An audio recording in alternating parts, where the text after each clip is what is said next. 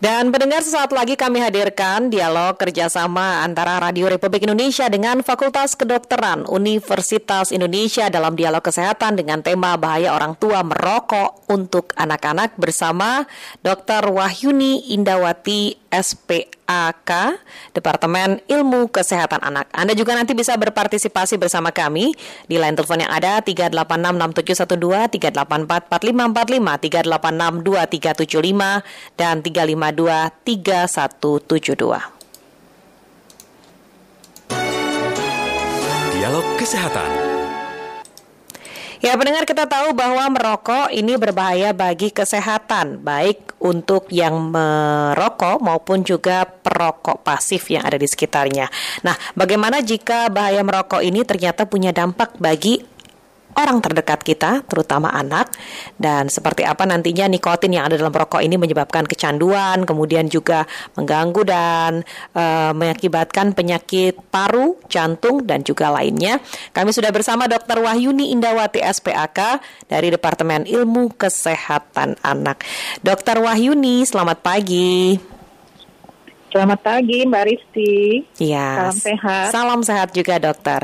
Dokter, ini uh, mungkin kalau bicara mengenai bahaya rokok, banyak yang sudah tahu bahkan kalau membeli rokok ini ada gambar-gambar yang agak menyeramkan begitu ya biasanya.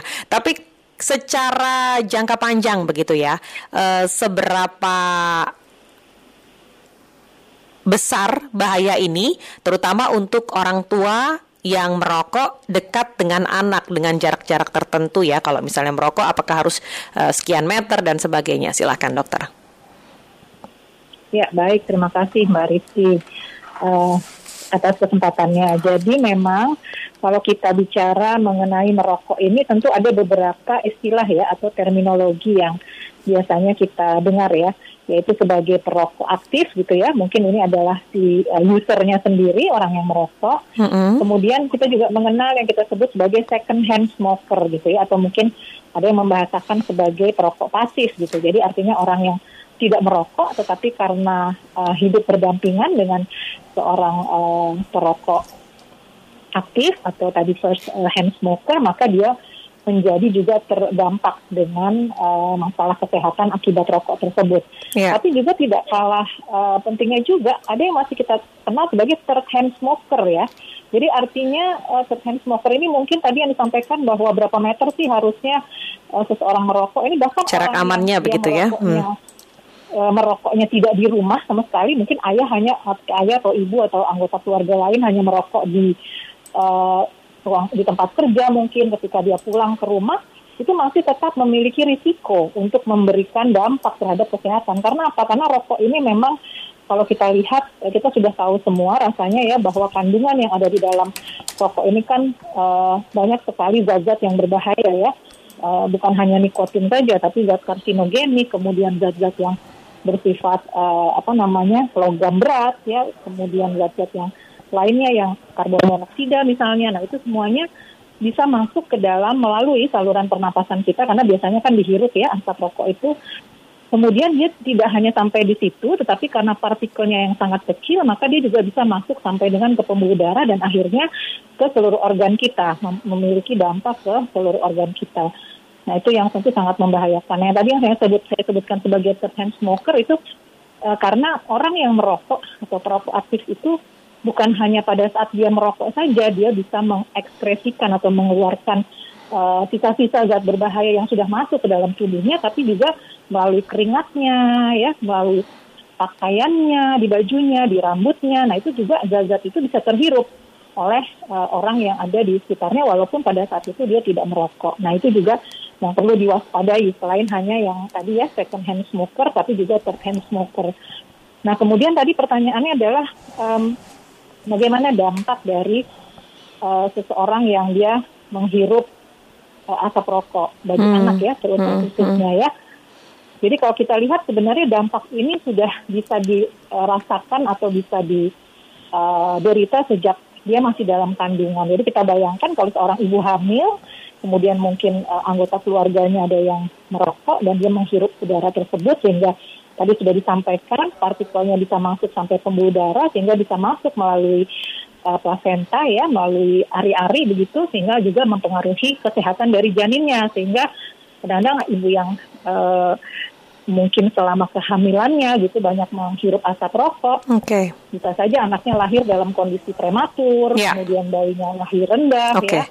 nah, ini kan hal-hal yang sebenarnya sudah disadari tidak sih Dok oleh oleh uh, orang-orang tua, ayah dan ibu begitu ya. Maksudnya kalau istrinya dalam kondisi sedang hamil begitu terus kemudian punya anak-anak usia bayi bahkan sampai dengan balita yang cukup berbahaya. Ya, Mm-mm. Nah, sebenarnya ketika sudah disadari itu, nah bagaimana nih untuk uh, orang tua uh, mungkin masih masih pengen merokok, tapi uh, apakah ada titik-titik aman untuk mereka atau sebenarnya bagaimana?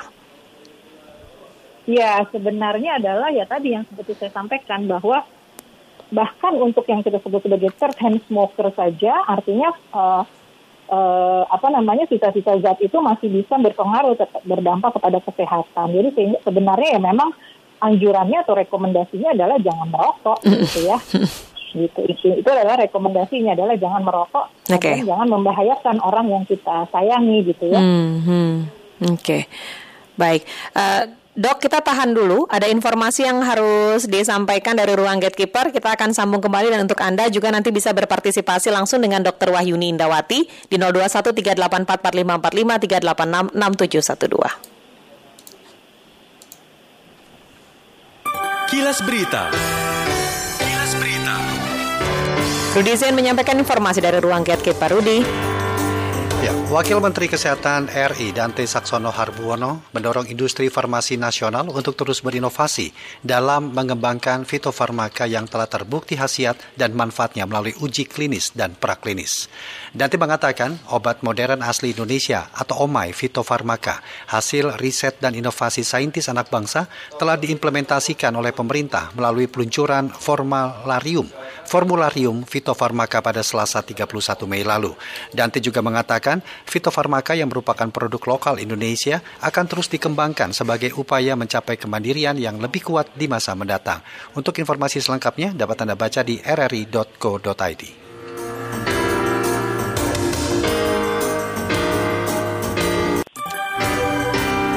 Berita Pro 3 Jaringan Berita Nasional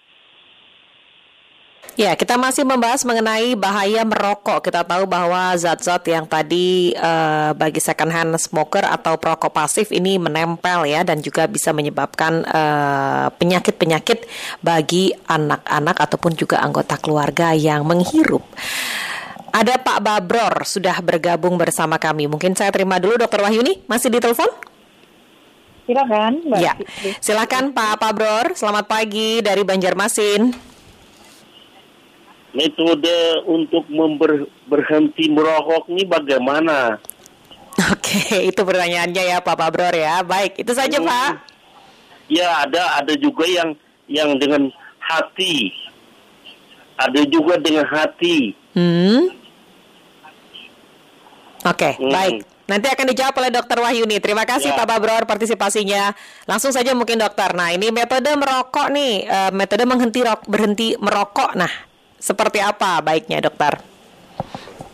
Ya baik, terima kasih Pak atas pertanyaannya. Jadi memang yang pertama tentu harus berasal dari kesadaran ya, kesadaran uh, pribadi sendiri yang yang memang atau niat gitu ya, barangkali disebutnya ya niat dari si perokok ini untuk berhenti karena memang betul-betul menyadari uh, bahayanya merokok. Nah sebenarnya memang seperti tadi tidak mudah untuk berhenti merokok ya, karena kita tahu bahwa dalam rokok itu kan ada yang namanya zat nikotin ya yang bisa menimbulkan adiksi. Jadi sudah menimbulkan semacam sinyal begitu di dalam uh, susunan saraf pusatnya menimbulkan orang yang sudah lama merokok tentu sulit untuk uh, bisa me, apa namanya meng mengendalikan gitu ya keinginan untuk merokok tersebut.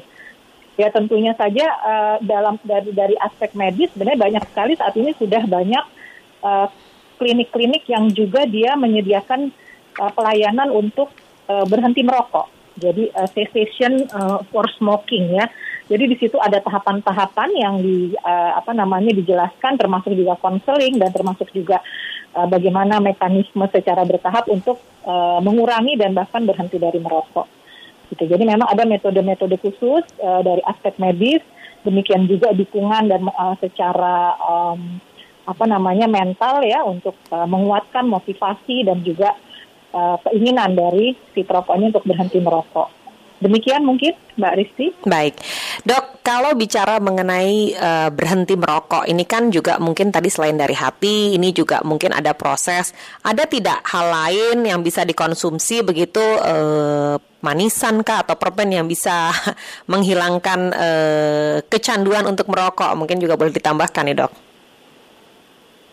Ya sebenarnya sih tidak ada zat yang khusus ya, mm -hmm. seperti permen manisan begitu sih sebenarnya nggak mm -hmm. ada ya tadi yang pertama ya motivasi dan tadi ada memang ada tahapan-tahapannya bagaimana mengurangi kadar nikotin itu perlahan-lahan supaya okay. dia uh, akhirnya uh, tidak kecanduan lagi ya atau tidak adiksi begitu. Sam, uh, dan juga tentu dukungan dari uh, lingkungan ya karena kalau kita masih berada di lingkungan yang juga merokok ya memang kadang-kadang agak sulit juga ya karena keinginan untuk kembali lagi pasti besar gitu ya biasanya. Hmm. Oke, okay. Baik kalau Jadi begitu. memang support dari berbagai uh, aspek. Ya, ya. Artinya memang kalau ada satu anggota keluarga yang ingin berhenti merokok, ini sudah sudah pasti harus disupport ya supaya juga sehat bagi keluarga. Baik, kita terima lagi dok. Ada Pak Lius di Kupang sudah bergabung. Pak Lius, selamat pagi. Ya, selamat pagi. Silahkan, apa yang mau disampaikan Pak Lius? Nah, kalau ya saya amati memang merokok itu memang menurut uh, ilmu kesehatan itu sangat berbahaya kepada tubuh manusia. Tetapi Tuh pun ada gambar-gambar di rokok yang sangat membahayakan, tapi masyarakat kaum menelia itu bahkan ada di rokok-rokok elektrik itu, tapi begitu pun tetap saja, tetapi tidak menjaga keselamatan uh, dalam hal ini macam ke di dalam rumah. Terlebih khusus juga orang tua orang tua yang sebetulnya lebih mengerti daripada anak-anak. Tapi bahkan anak-anak uh, sering saya ketemu ditegur, tetapi mereka langsung jawab kamu jauh di sana, kamu tidak mengerti. Nah, ini satu hal yang memang sulit, tetapi kalau sakit nanti mempersalahkan uh, dokter bahwa kasih resep yang tidak sesuai. Bagaimana caranya uh, mencegah orang-orang yang merokok seperti itu? Apakah kita menegur langsung atau mungkin ada cara yang perlu disampaikan kepada mereka secara khusus begitu? Terima kasih. Baik, terima kasih Pak Lius di Kupang. Silakan langsung ditanggapi Dokter Yohayuni. Ya, terima kasih Pak atas pertanyaannya dan juga atas atensinya ya terhadap bahaya merokok ini. Jadi memang betul ya tadi disampaikan ya Pak bahwa ini kan adalah masalah global ya Pak.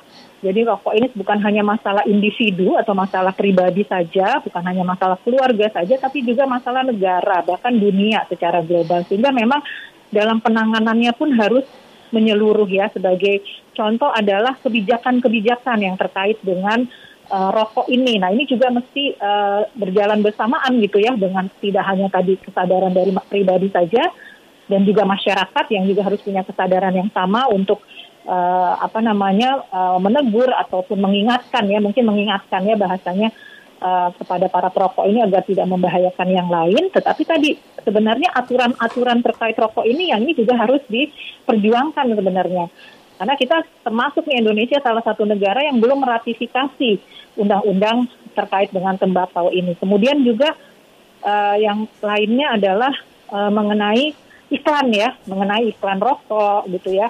Kemudian bagaimana uh, generasi muda kita ini terpapar dengan uh, apa namanya mungkin di media sosial ya ataupun di media-media yang lain begitu terpapar dengan uh, iklan-iklan rokok yang ini juga menyebabkan anak-anak kita ini dari sejak usia dini sudah terpapar dengan uh, rokok tersebut sehingga yang tadi disebutkan bahayanya itu kalah dengan uh, pesan-pesan lain yang diselipkan oleh para uh, apa namanya industri rokok itu sendiri gitu ya. Jadi ya ini adalah PR PR bersama saya rasa bukan hanya dari uh, dunia kesehatan saja tapi seluruh masyarakat saya rasa uh, agar bisa menjadikan uh, negara kita ini menjadi negara yang bebas rokok. Mungkin begitu, Mbak Risti. Baik, ada satu penelpon lagi. Saya terima juga ini Pak Miftah di Yogyakarta, biar langsung dijawab Pak Miftah. Selamat pagi. Halo Pak Miftah. Halo. Ya. Halo. Halo, Assalamualaikum Mbak. Waalaikumsalam warahmatullahi wabarakatuh. Monggo Pak. Eh, gini Bu Dokter, jadi eh, yang sering banyak merokok di kalangan anak kecil itu malah kadang di pondok pesantren. Maaf ya ini Karena saya juga dulu di pesantren, jadi saya tahu di dalamnya itu. Oke. Tapi topik kita lagi uh, berbicara mengenai bahaya orang tua merokok untuk anak ini, uh, Pak Miftah. Iya kan sih, jadi karena mm. karena mereka mencontoh mencontoh kiainya, karena kiainya begitu ya. Jadi ya iya, hmm. kan kan gitu. Jadi uh, problemnya kadang-kadang yang yang lebih tua itu kadang-kadang juga ngasih contoh kalau nggak ngerokok belum jadi santri gitu okay. ini kadang iya jadi Baik. mohon juga dari dari dinas kesehatan juga ngasih apa uh, penyeluruhan ke ke pondok pesantren itu yang ini malah besar banget kayak di kalau di Magelang itu di untuk Abi Dekarjo itu rata-rata semua rokok tuh. Ya. Yang kecil-kecil udah SMP ke bawah tuh udah mulai merokok. Baik. itu ya. Terima kasih Pak Miftah. Ya, silahkan uh, Dokter Wahyuni meskipun ini agak-agak iya. keluar dari topik ya, tapi memang sebenarnya benar juga ini nyontohnya dari orang tuanya. Iya betul, apa yang disampaikan Pak Miftah, kemudian tadi disampaikan oleh uh, Bapak dari Kupang tadi itu. Jadi kita menghadapi bahaya rokok ini memang luar biasa gitu, ya. bukan hanya di dalam level uh, rumah tangga atau di level keluarga saja, tapi di berbagai level termasuk di dalam tadi yang disebutkan tadi itu betul bahwa uh, role model dalam hal ini mungkin guru ya, kemudian uh, mungkin kalau di pesantren ya mungkin uh, kiai dan lain-lain itu memang harusnya menjadi role model yang bisa dicontoh oleh anak-anak didiknya sehingga dia bisa menghindarkan mereka dari bahaya merokok. Ya mungkin ini tadi seperti saya sampaikan ini adalah tugas bersama ya selain dari pemerintah juga mungkin dari dinas kesehatan atau dari LSM LSM yang saat ini penggiat kita sebutnya penggiat-penggiat anti tembakau ya yang yang nanti dibantu dengan masyarakat. Ya, ada komunitas-komunitas juga ya. Sama. Hmm. Betul, betul. Iya, jadi memang harus bersama-sama nih kita kalau ingin mau berantas uh, tembakau ini. Mungkin begitu. Baik, mungkin pesan terakhir untuk masyarakat secara keseluruhan dok untuk menghindari rokok, terutama kita mulai dari keluarga kita. Ya baik, karena kita saya kembali lagi kepada topik kita pada hari ini ya. Jadi bahwa kita sudah tahu sebenarnya bahwa uh, rokok ini mengandung berbagai macam zat yang berbahaya dan khususnya pada anak tadi dia bisa menimbulkan dampak kesehatan mulai dari usia yang paling dini yaitu tadi pada saat lahir bisa lahir prematur kemudian bayinya jadi uh, berat badannya lahir rendah bahkan bisa menyebabkan kematian. Dan juga pada anak-anak uh, yang tadi dikatakan oleh Mbak Risti jangka panjangnya apa dok? Jangka panjangnya anak-anak ini akan mudah mengalami infeksi di saluran pernapasan ya baik itu radang paru ataukah itu radang saluran napas yang kita sebut sebagai bronkitis atau pasien-pasien yang memang punya bakat alergi, asmanya bisa kemudian tidak baik-baik atau tidak sembuh-sembuh ya dan juga mempunyai efek ke sistem saraf pusat. Jadi anak-anaknya biasanya akan mudah untuk uh, apa namanya gangguan pemusatan perhatian ya, kemudian ADHD dan lain-lain. Jadi memang luar biasa sekali uh, dampak kesehatan di disebabkan karena rokok ini. Jadi memang menjadi tanggung jawab kita bersama bukan hanya dari uh, dunia medis saja, tetapi juga seluruh masyarakat dan seluruh komponen bangsa ini. Mungkin demikian, Mbak Rizky. Baik, Dokter Wahyuni, terima kasih banyak sudah berbagi informasi dan edukasi kepada kami. Mudah-mudahan ini bisa menjadi pengingat ya bahwa rokok berbahaya dan harus segera dihentikan atau dihindarkan. Selamat pagi, salam sehat, selamat bertugas kembali, dokter. Selamat pagi, salam sehat selalu Mbak Rizky. Ya. Dokter Wahyuni SPAK, Departemen Ilmu Kesehatan Anak, dan mulai sekarang Anda harus benar-benar menjauhkan diri dari rokok. Dialog Kesehatan